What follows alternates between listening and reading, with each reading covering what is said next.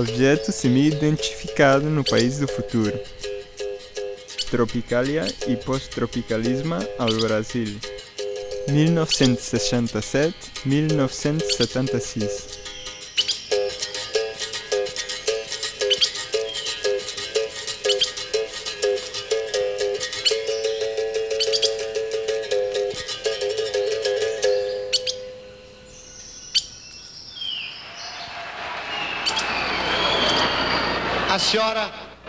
Número 10, Sônia, vai apresentar agora a música de número 5, sorteada no intervalo anterior.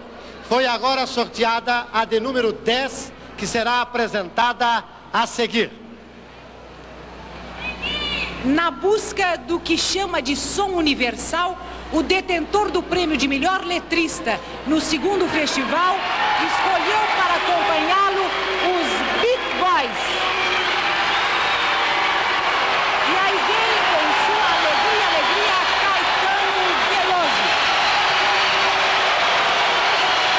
A final dels anys 60, un nou moviment va sacsejar el panorama cultural del Brasil, la tropicàlia o el tropicalisme.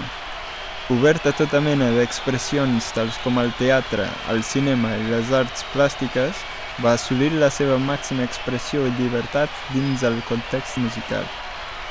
Artistes com Caetano Veloso, Gilberto Gil, Gal Costa i Os Mutantes van trencar amb els cànons de l'època i van barrejar les formes del pop-rock anglosaxó amb les arrels pròpies brasileres.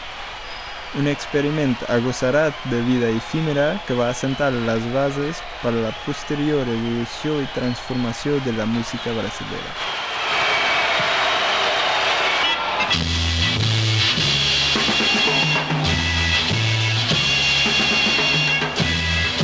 Panis et circensis, protagonistas principals. Contra o vento, sem lenço, sem tormento, no sol de quase dezembro. Eu vou. O sol se reparte em crimes, espaçonaves guerrilhas, em cardinales bonitas. Eu vou.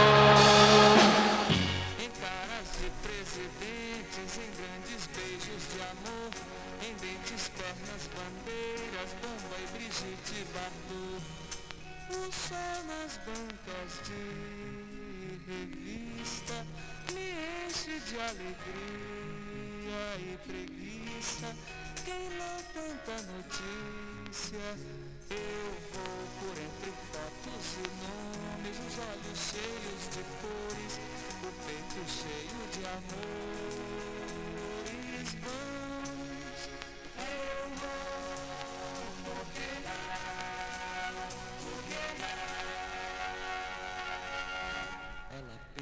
casamento e eu nunca mais fui à escola, sem lenço, sem documento.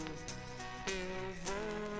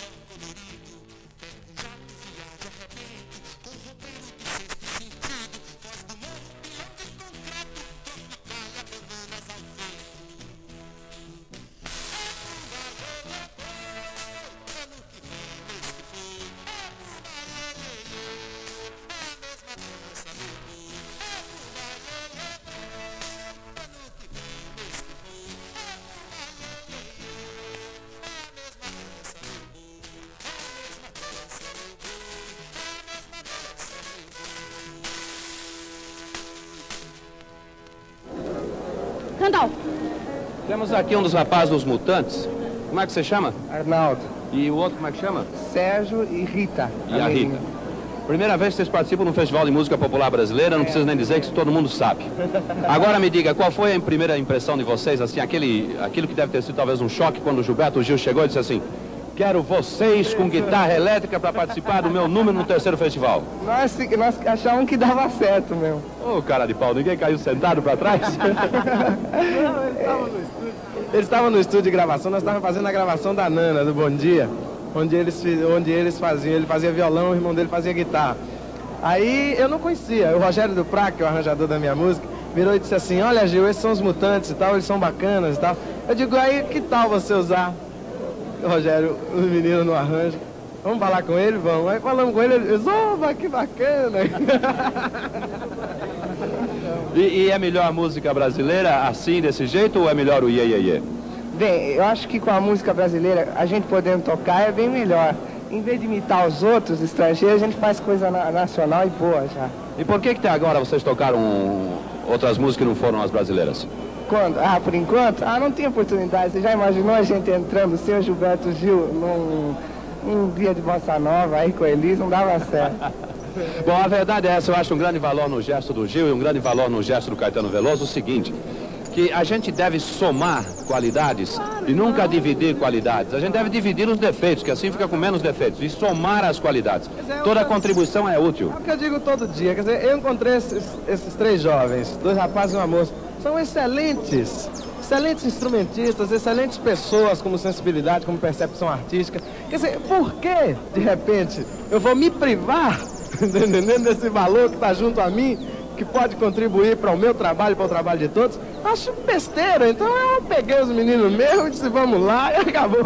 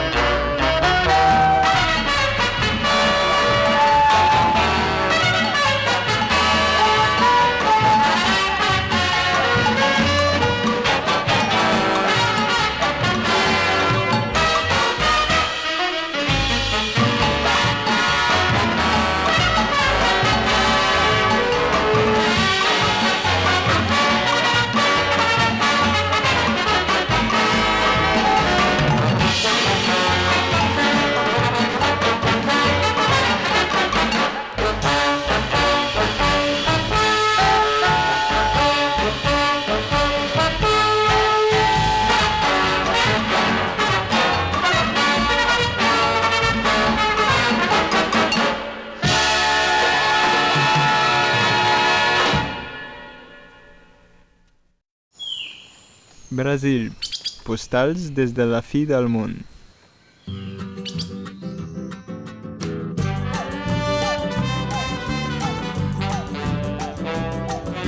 Moro num país tropical, abençoado por Deus e bonito por natureza. Mas que beleza! Em fevereiro tem carnaval. Tem carnaval! Eu tenho um fusca e um violão. Sou Flamengo, tenho uma nega chamada Teresa.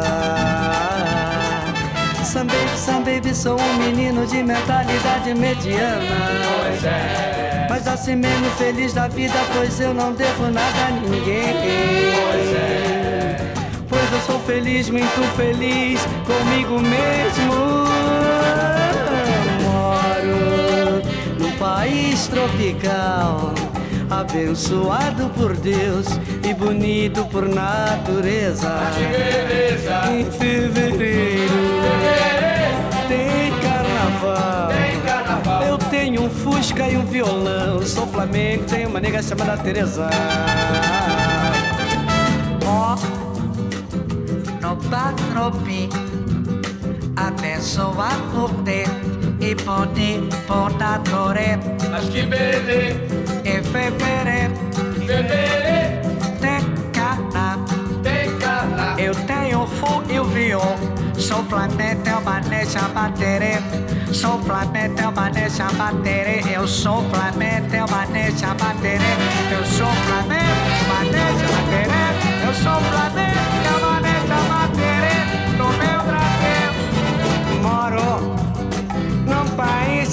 tropical.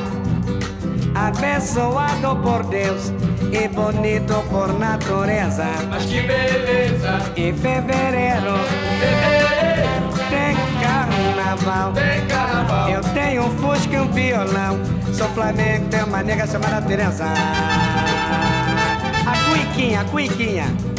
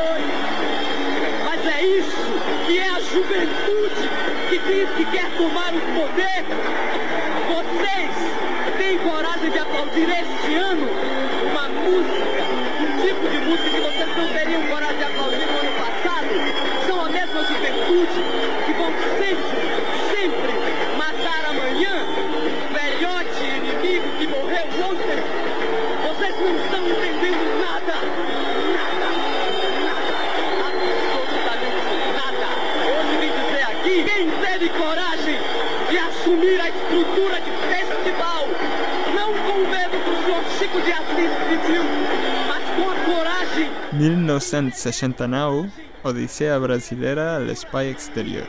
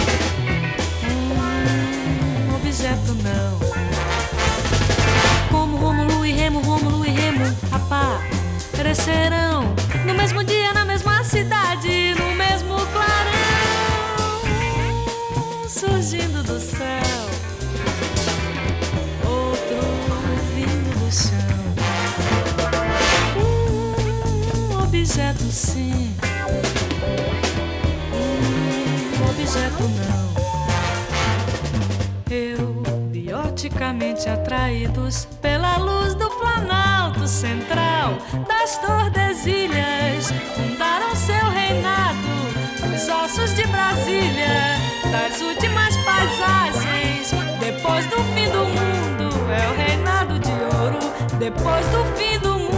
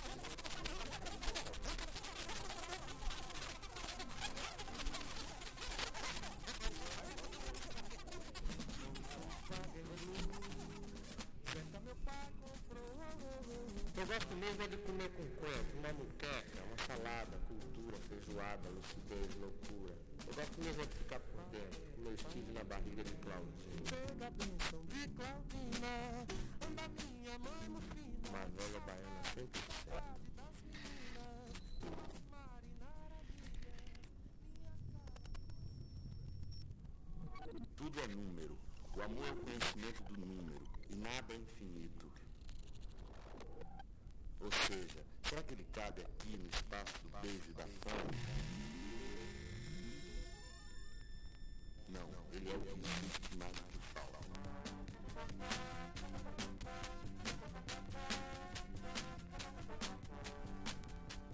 O invasor me contou todos os lances de todos os lugares onde andou. Com um sorriso nos lábios, ele disse: A eternidade é a mulher do homem, portanto, a eternidade é sua mãe.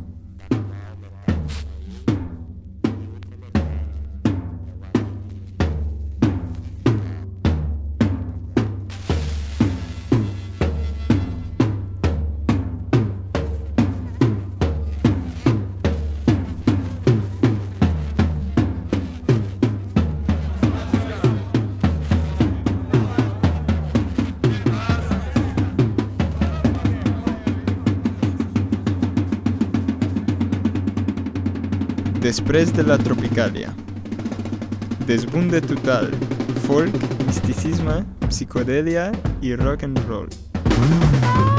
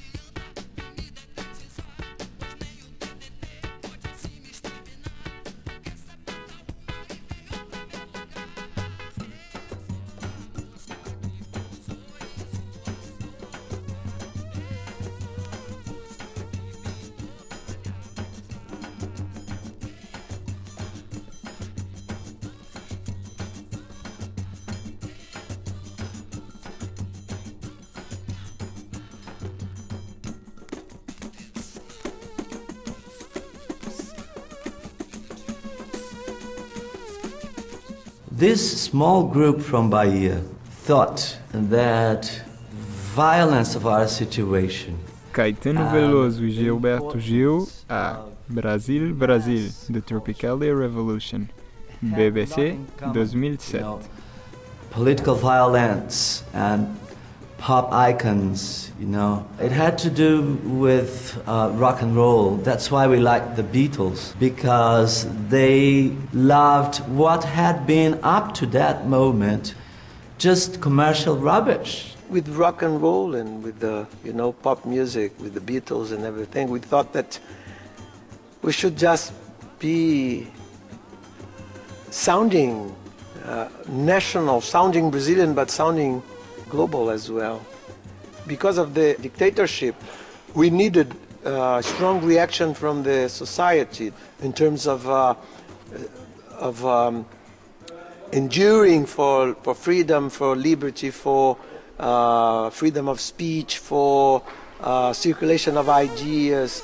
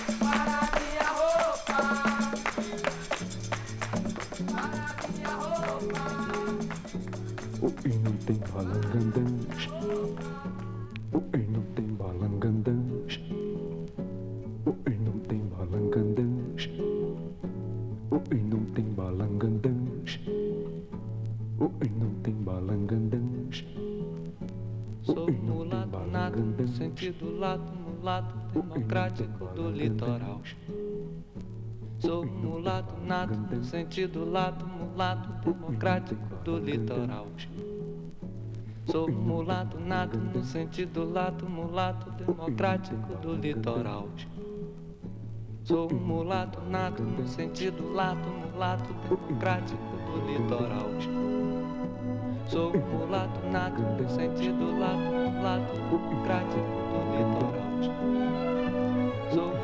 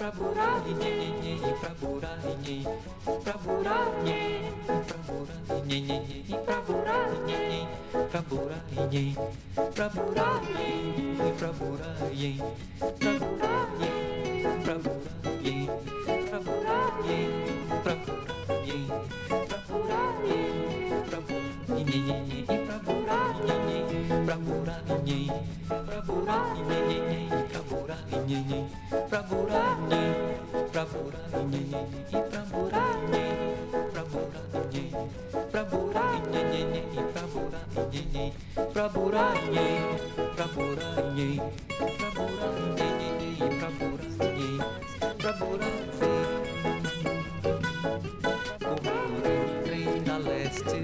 Buraim. Trem da leste, leste vem no trem pra Boraiém, pra Boraiém, pra Boraiém, pra Boraiém, pra Boraiém, pra Boraiém, pra Boraiém, pra Boraiém, pra Boraiém, pra Boraiém, pra Boraiém, pra Boraiém, pra Boraiém, pra Boraiém,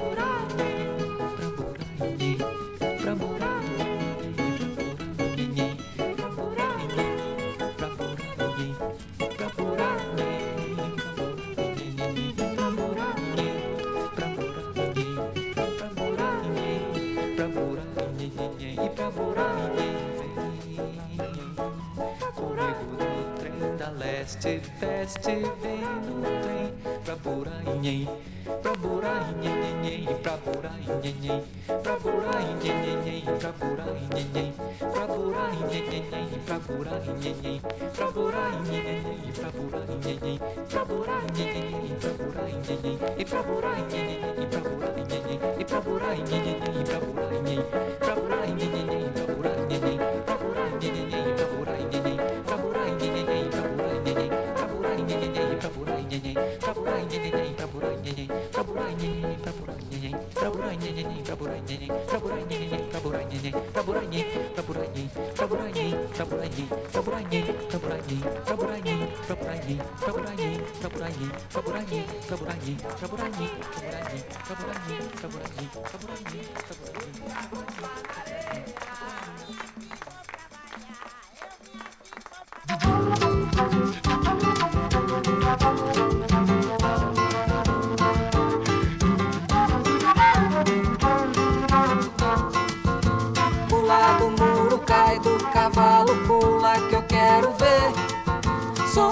escuro, verde maduro, corre que eu quero ver. Salta de lado, tiro cruzado, dança que eu quero ver. Corta de canivete que eu quero ver. Segura que é agora que eu quero ver. Pula do muro, cai do cavalo, pula que eu quero ver. Sombra no escuro, verde maduro, corre que eu quero ver. Salta de lado, tiro cruzado, dança que eu quero ver. Corta de canivete que eu quero ver. Segura que é agora que eu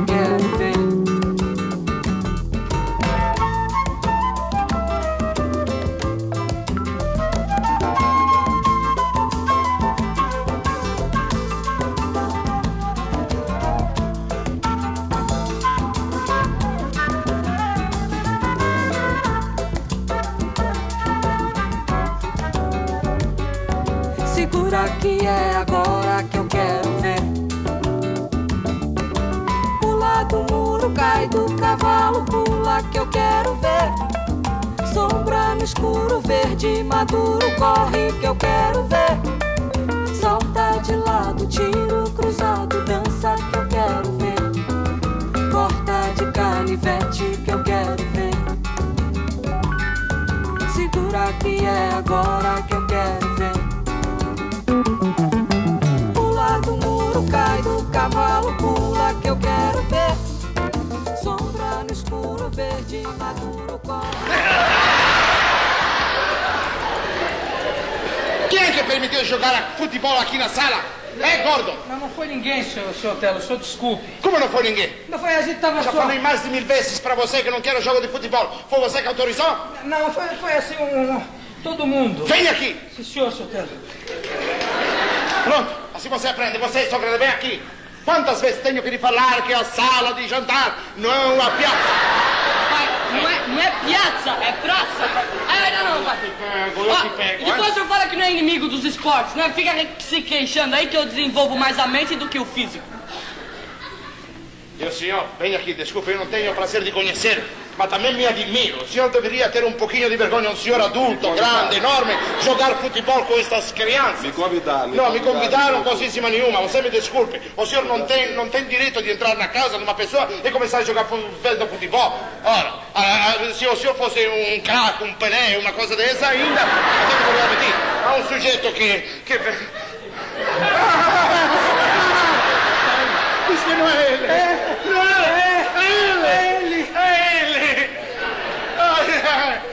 Dio, desculpe.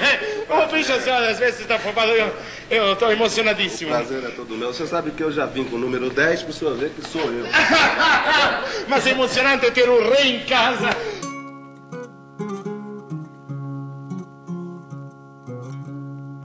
Toda manhã se acorda às seis horas.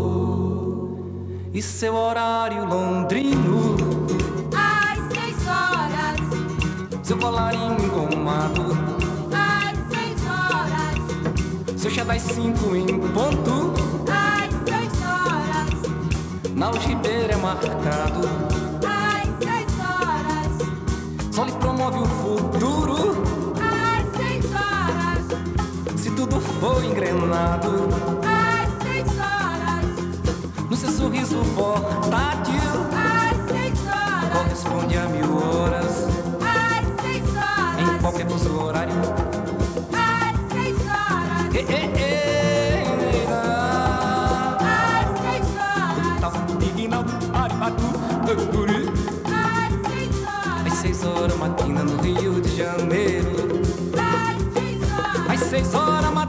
São Bento do Una. Às seis horas, Às seis horas matina em Amsterdã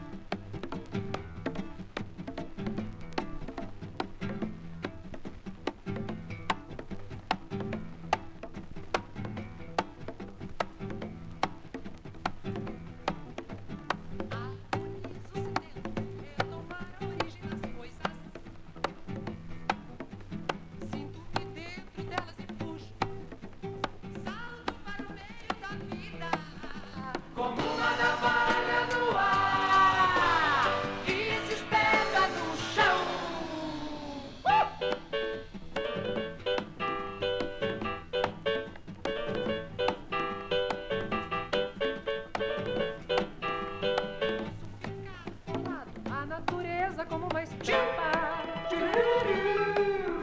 e representá-la no desenho que dela faço. Não posso Em está como